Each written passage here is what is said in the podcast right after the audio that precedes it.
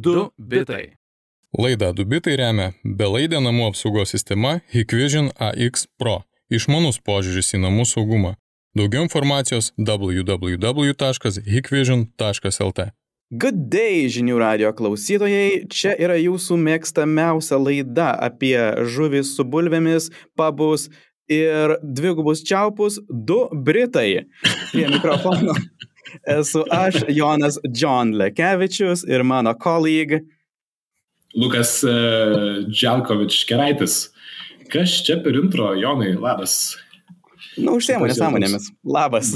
Puiku. Ir klausytai, kaip ir kiekvieną savaitę jūs girdite laidą Dubitai, kur mes kalbame apie svarbiausias technologijų naujienas. Šiandien su Jonu nuotoliniu būdu kalbamės abu iš namų ar dar kažkur, tai, tai ir jokaujam. Ir kaip ir visuomet turime paruošę nemažai technologijų naujienų. Apstarim trumpai prie, dabar prieš laidą ir pradėsime nuo pradžių. Pirmoji tema, kurią norime šiandien apkalbėti, yra susijusi su Spotify. Galbūt jau girdėjote. Visai viešai apkalbėta tema buvo. Tai yra praėjusią savaitę muzikantas Neilas Jangas, tokio hito kaip Harvest Moon autorius, e, garsiai pareiškė, kad Spotify turi pasirinkti jis arba tinklalaidžių vedėjas Joe Roganas. Arba Spotify išima melaginomis COVID temose užsiimančio Jay Rogano tinklalaidės, arba taip pat išima Jango muziką. Tad tam tikras ultimatumas nuo muzikanto. Ir šita kritika pasirodė po konkretaus epizodo, kuriame Joe Rogan, jeigu jo nežinote, tai jis yra na, turbūt vienas populiariausių tinklalaidžių vedėjų visame pasaulyje. Pasak jo pačio skaičių, jis yra pats populiariausias, tiesa, nieks nėra patikrinęs to, tų, tų jų skaičių, tai Sunku žinoti. Jis tikrai, tikrai žinomas ir populiarus. Tai viename epizode jis kalbino gana kontroversišką prieš ARNR vakcinas nusistačiusi, nusistačiusi virusologą, kuris sakė, kad Junktinių valstybių ligoninės turi finansinių paskatų pranešti apie kuo daugiau mirčių nuo COVID ir pats podcast'o vedėjas yra skatinęs jaunus žmonės, sveikus žmonės nesiskiepyti. Tad kontroversiška figūra Joe Roganas tikrai yra. Tikrai jisai turi daug klausytojų ir Lietuvoje, ne, nebijotinai. Ir e, nes vieniems patinka, kitiems nepatinka, o štai Neilas Jangas sako, arba jis, arba aš, nes man pabodo jo nesąmonės kalbėjimai apie COVID ir nusikalbėjimai ir kalbinimai visiškai nemoksliškų žmonių šitą temą. Tai jisai savo leidybiniai kompanijai Warner Bros. Jangas sakė, kad Spotify turi prisimti atsakomybę už per ją skleidžiamą turinį Ir, na, Jangas turi 6 milijonus kas mėnesinių klausytojų Spotify'e, J. Rogan, jisai turi gerokai daugiau, daugiau, gerokai daugiau. Pasak jo apie 200 milijonų, tai smarkiai daugiau. Taip, tai pradžioje, na, tokia buvo karšta diskusija užvirusi, sureagavo pats Spotify'us, kuris iš esmės pasakė, labai gaila, bet Jangai, lauksime jūsų sugrįžtant ir mes pasirinkame Joe Roganą, kurį nusipirkome prieš kurį laiką už, už labai brangiai. Oficialiai nebuvo sakyta, bet neoficialiai virš šimto milijonų dolerių už e, keletą metų e, jo exclusivity, taip sakant, išskirtinai pasiekiamą podcastą tik tai per Spotify. Ir, žinai, šita dilema tarp Neil Young ir Joe Rogan, tokia dilema tarp seno ir naujo, tik čia ne apie atlikėjų amžių, žinai, o apie jų verslo modelius. Nes Spotify prasidėjo ir vis dar yra ir visiems pagrindinė vertė, žinai, to yra muzikos streaminimas. Ta, gebėjimas tiesiog pasirinkti dainą ir klausytis jos. Tai visiems savaime suprantama. Tačiau muzika, kurią Spotify groja, jiems patiems nepriklauso. Ir to marža jiems visą laiką buvo labai didžiulė. Spotify iš to teoriškai gaudavo gal tik tai 25 procentus. Um, pakankamai, jog Spotify galėtų aukti kaip kompanija, bet nedaugiau.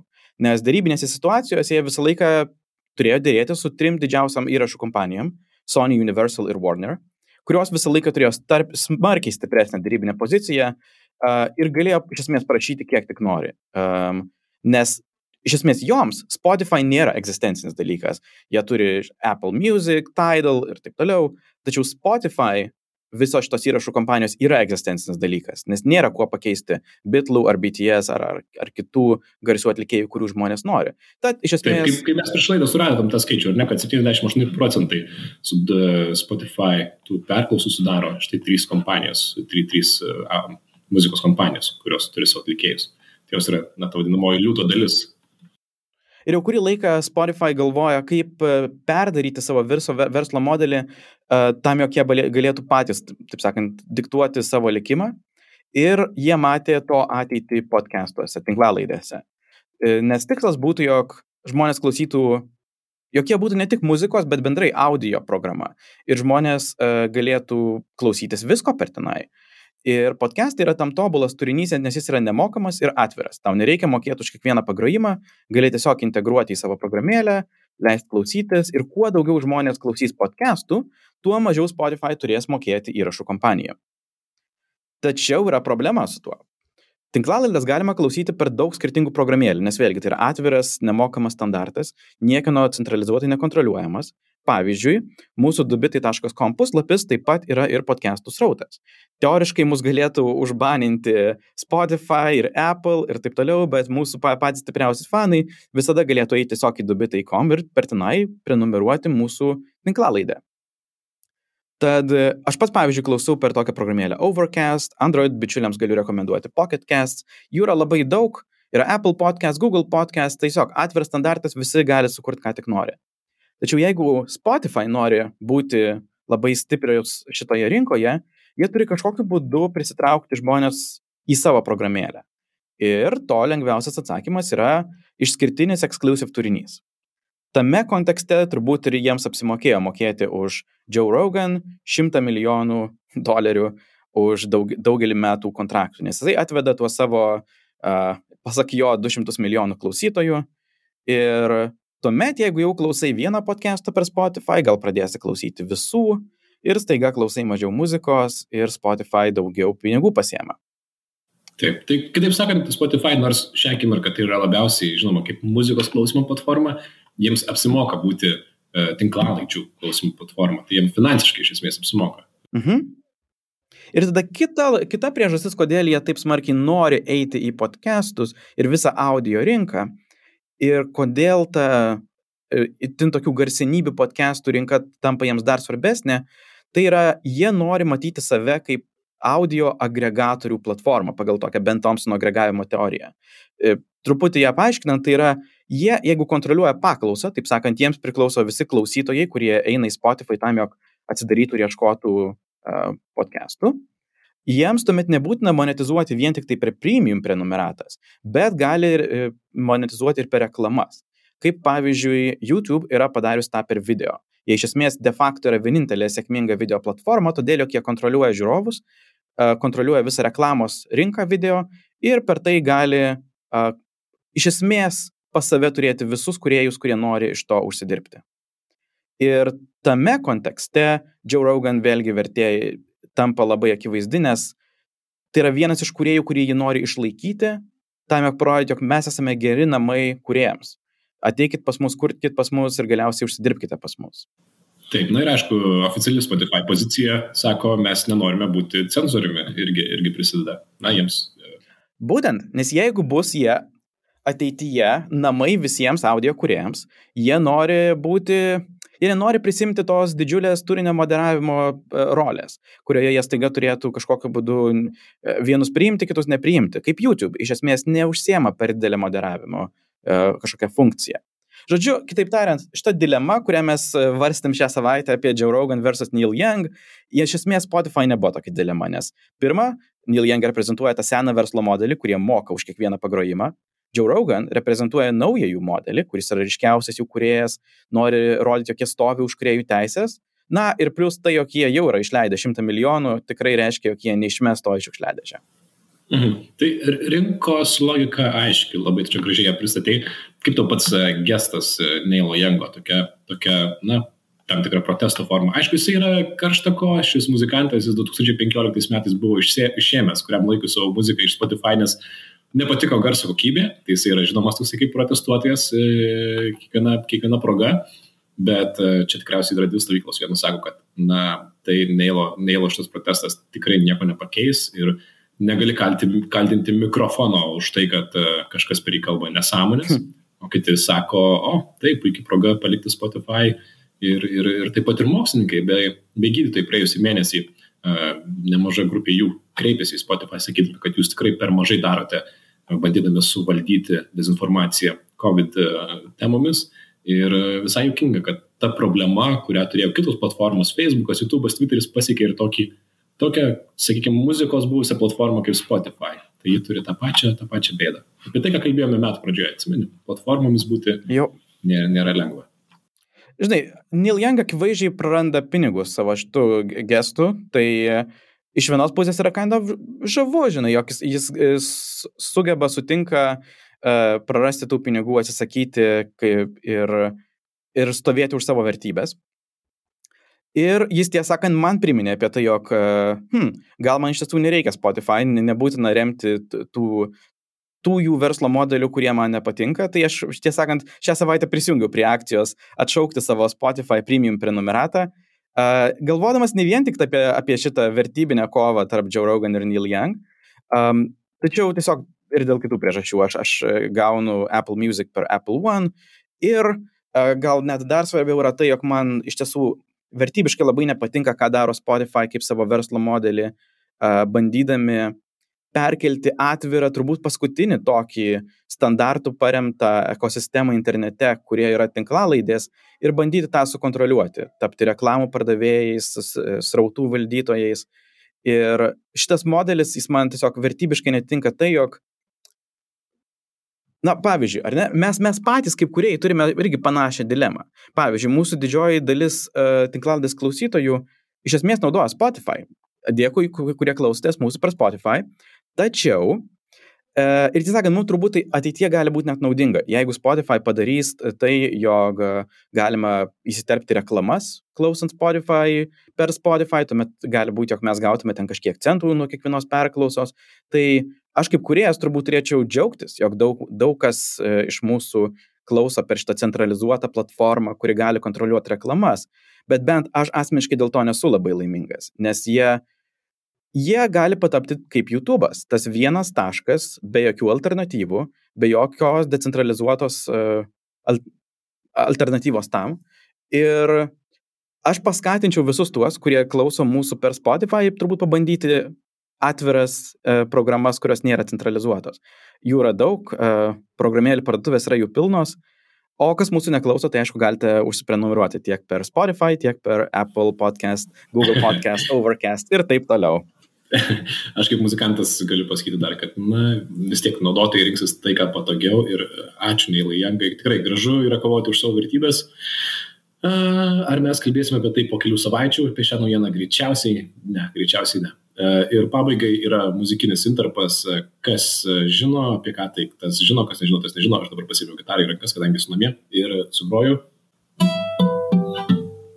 O, netgi pavyko.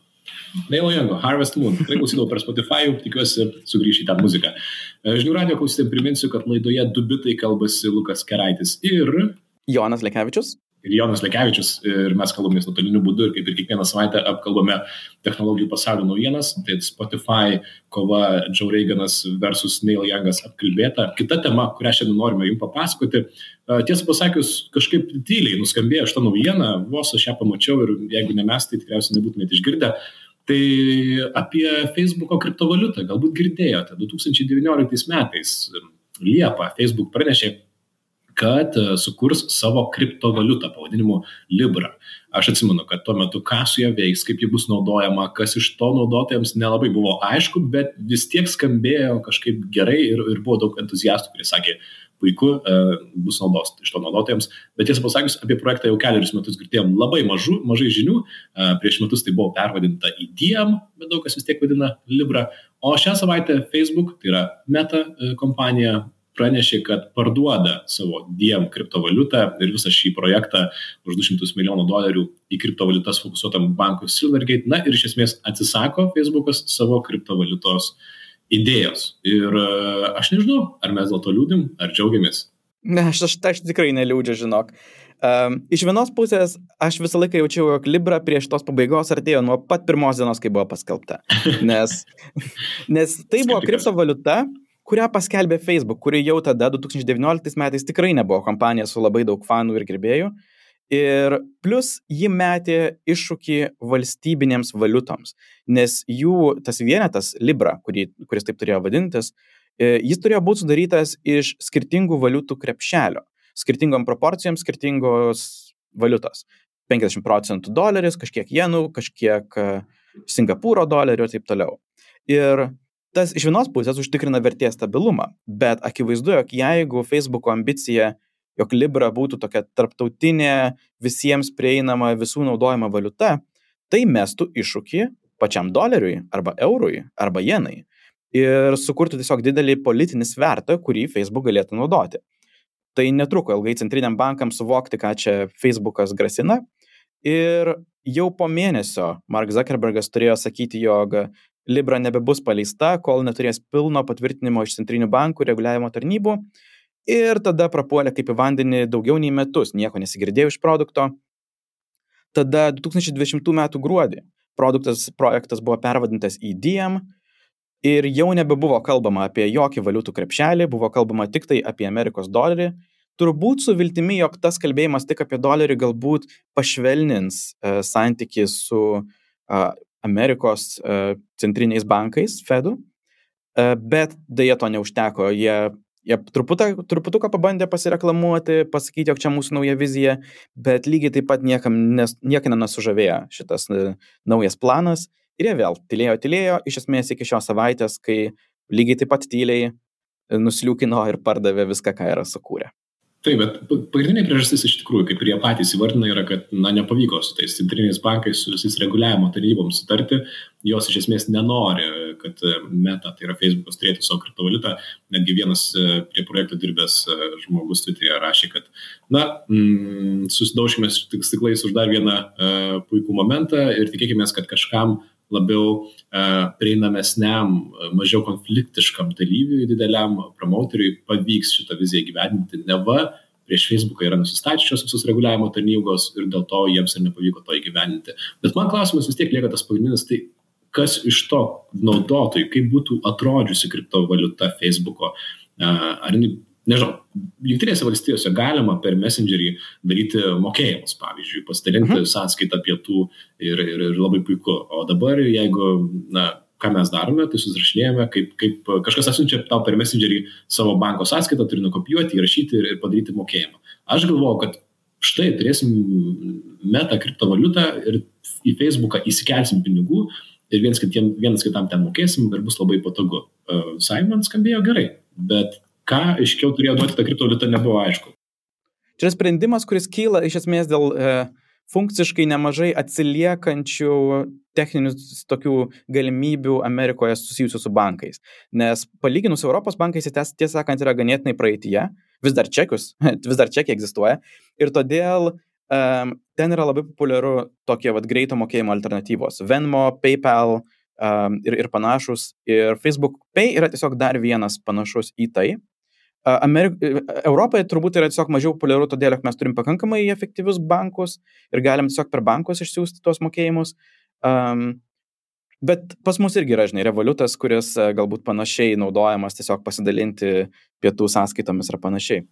Bet žinai, aš iš esmės matau daug pozityvių, tik pozityvių dalykų iš tos Libros mirties, nes iš vienos pusės taip, tai jog meta nebeturės savo kriptovaliutos yra tik geras dalykas, jų visas atviras kodas, kuris beje yra tikrai protingas, vienas e, inžinieriškai įdomiausių tokių sprendimų, uh, jis lieka atviras. Jį gali paimti kiti žmonės ir niekas neturi už tai mokėti šimtų milijonų. Ir jau dabar atsiranda alternatyvos implementacijos, alternatyvos uh, blokų grandinės, paremtos ant DM kodo. Ir vadinasi, visą tai, ką Facebook sukūrė, investavo smarkiai daugiau negu 200 milijonų į tai, uh, lieka žmonėms. Tai aš dėl to tik galiu džiaugtis. Valio. Tai čia gerai, Jonai, pripažinkim, čia toks gykiškas komentaras, e, taip, taip smagu, aš pritariu tau, smagu, kad tai, kai jie sukuria, lieka žmonėm, bet, bet, bet e, Meta, Facebookas kalba apie kuriejų ekonomiką, apie meta visatą, NFT, virtuali realybė, kaip mes čia gyvensim internete, bet savo kriptovaliutos sukurti nesugeba, kai kažkas mėgamajame ima ir sukuria ten savo, žinai, šuns koiną. Tai man kažkaip šitie galai nesuseina, nes atrodo, kad kriptovaliuta lyg ir įsiterptų į meta visatos ir kitas Facebook'o vizijas. Tai galėtų būti kažkam panaudojama, nors vis dar iki gal nesuprantu, kam tai būtų panaudota Facebook atveju. Kaip tai būtų atrodę iš vartotojo pusės, naudotojo pusės. Čia Facebookas meta eilinį kartą moka savo strategy tax, e, nes jie su savo visų verslo modeliu yra susikūrę labai daug priešų, labai daug žmonių, kurie nori, jog jiems nesisektų. Na ir kaip pasikloja, taip ir miega, taip sakant. Jokios jų iniciatyvos nėra priimamos pozityviai. Kai jie pralaimi, visi tik džiaugiasi. Na, ką aš galiu daugiau pasakyti? Nu, žodžiu, kriptovaliutas Facebook'o nebus ir nesužinosim, ką iš jos galėjom gauti. Gal taip ir palikim šitą misteriją, nes man tai buvo smalsu, ką jie būtų pasiūlę iš to. Aš kažkaip galvoju, kad būtų kažkas atsiradę naujo, bet, bet tebūnė. Tad, žodžiu, Facebook'o kriptovaliutos projektas numirė oficialiai. Ir e, pabaigai, super, super trumpai, uh, Sony perka Bungie žaidimą, New York Times perka World žaidimą. Tai yra du tokie žaidimai, kurie patinka Jonui. Vienas iš jų yra labai labai nuobodus, vadinasi Wordle, reikia atspėti žodį kas savaitę. Jis pats nuobodžiausias žaidimas pasaulyje ir Jonui labai patinka, nesuprantu kodėl. Bet e, naujiena ta, kad technologijų kompanijos toliau perka žaidimų studijas, nes, nes kodėl jos perka jas? Bendrai norima, aišku, centralizuoti visą žaidimų industriją, nes darosi sunku jungti trečių šalių reklamos duomenis, e, teisingai targetinti žmonės. Bet taip, naujiena yra ta, jog per tą pačią dieną buvo nupirkti du žaidimai, kuriuos, praktiškai vieninteliai du žaidimai, kuriuos žaidžiu. Wordle, e, kur kartą per dieną turi atspėti penkių raidžių žodį, labai rekomenduoju, labai smagus. Ir Destiny 2, kurį kūrė. E, panašu, jog Sony nusipirkusi tą už 3,6 milijardo dolerių paliks Bungie kaip gana nepriklausomą kurėją, tačiau turbūt padės integruoti jų žaidimą į naujas medijas, panašiai kaip League of Legends parodė su Arkane Netflix serialu, jog žaidimai kaip tiesiog intelektualinė nuosavybė yra visai vertingas dalykas ir gali būti, jog mes matysime Destiny 2 serialus ir panašiai, kuriuos turbūt produsuos Sony. Taip, taip netikėta metų pradžia. Prieš savaitę, prieš kelias savaitės Microsoft už 70 milijardų beveik nusipirko Activision Blizzard studijos studiją, o štai dabar ir toliau Sony perka ir kiti perka uh, žaidimų studijas. Kažkas, ko nesitikėjau šių metų pradžioje. Ir e, Jonas yra sukūręs ir pardavęs savo žaidimą, bet apie tai galbūt, kad nors kitoje laidoje papasakos, e, čia toks salainiukas, kurio nespėjom pakalbėti, bet Jonas yra žaidimų kuriejas ir jis yra iš tikrųjų sukūręs savo žaidimą ir pardavęs. Ir visi parašykite mums į Facebook, Facebook grupę technologijų naujienas ir sakykit, Jonai, papasakok šią istoriją, kad kitą kartą kitą mes turėtume tam laiko ir papasakotume. Tad e, tiek, trys naujienos šią savaitę. Ačiū visiems besiklausymams klaususiems žinių radijo klausytėm priminsim e, žinių radijo svetainė žiniųradijas.lt visos laidos, taip pat ir dubitai.com, ten dedame šaltinius. Čia buvo Lukas Keraitis ir Jonas Lekevičius, goodbye, du Britai atsisveikina. Du Britai sako iki. Du bitai. Laidą Dubitai remia belaidė namų apsaugos sistema Hikvision AX Pro. Išmanus požiūris į namų saugumą. Daugiau informacijos www.hikvision.lt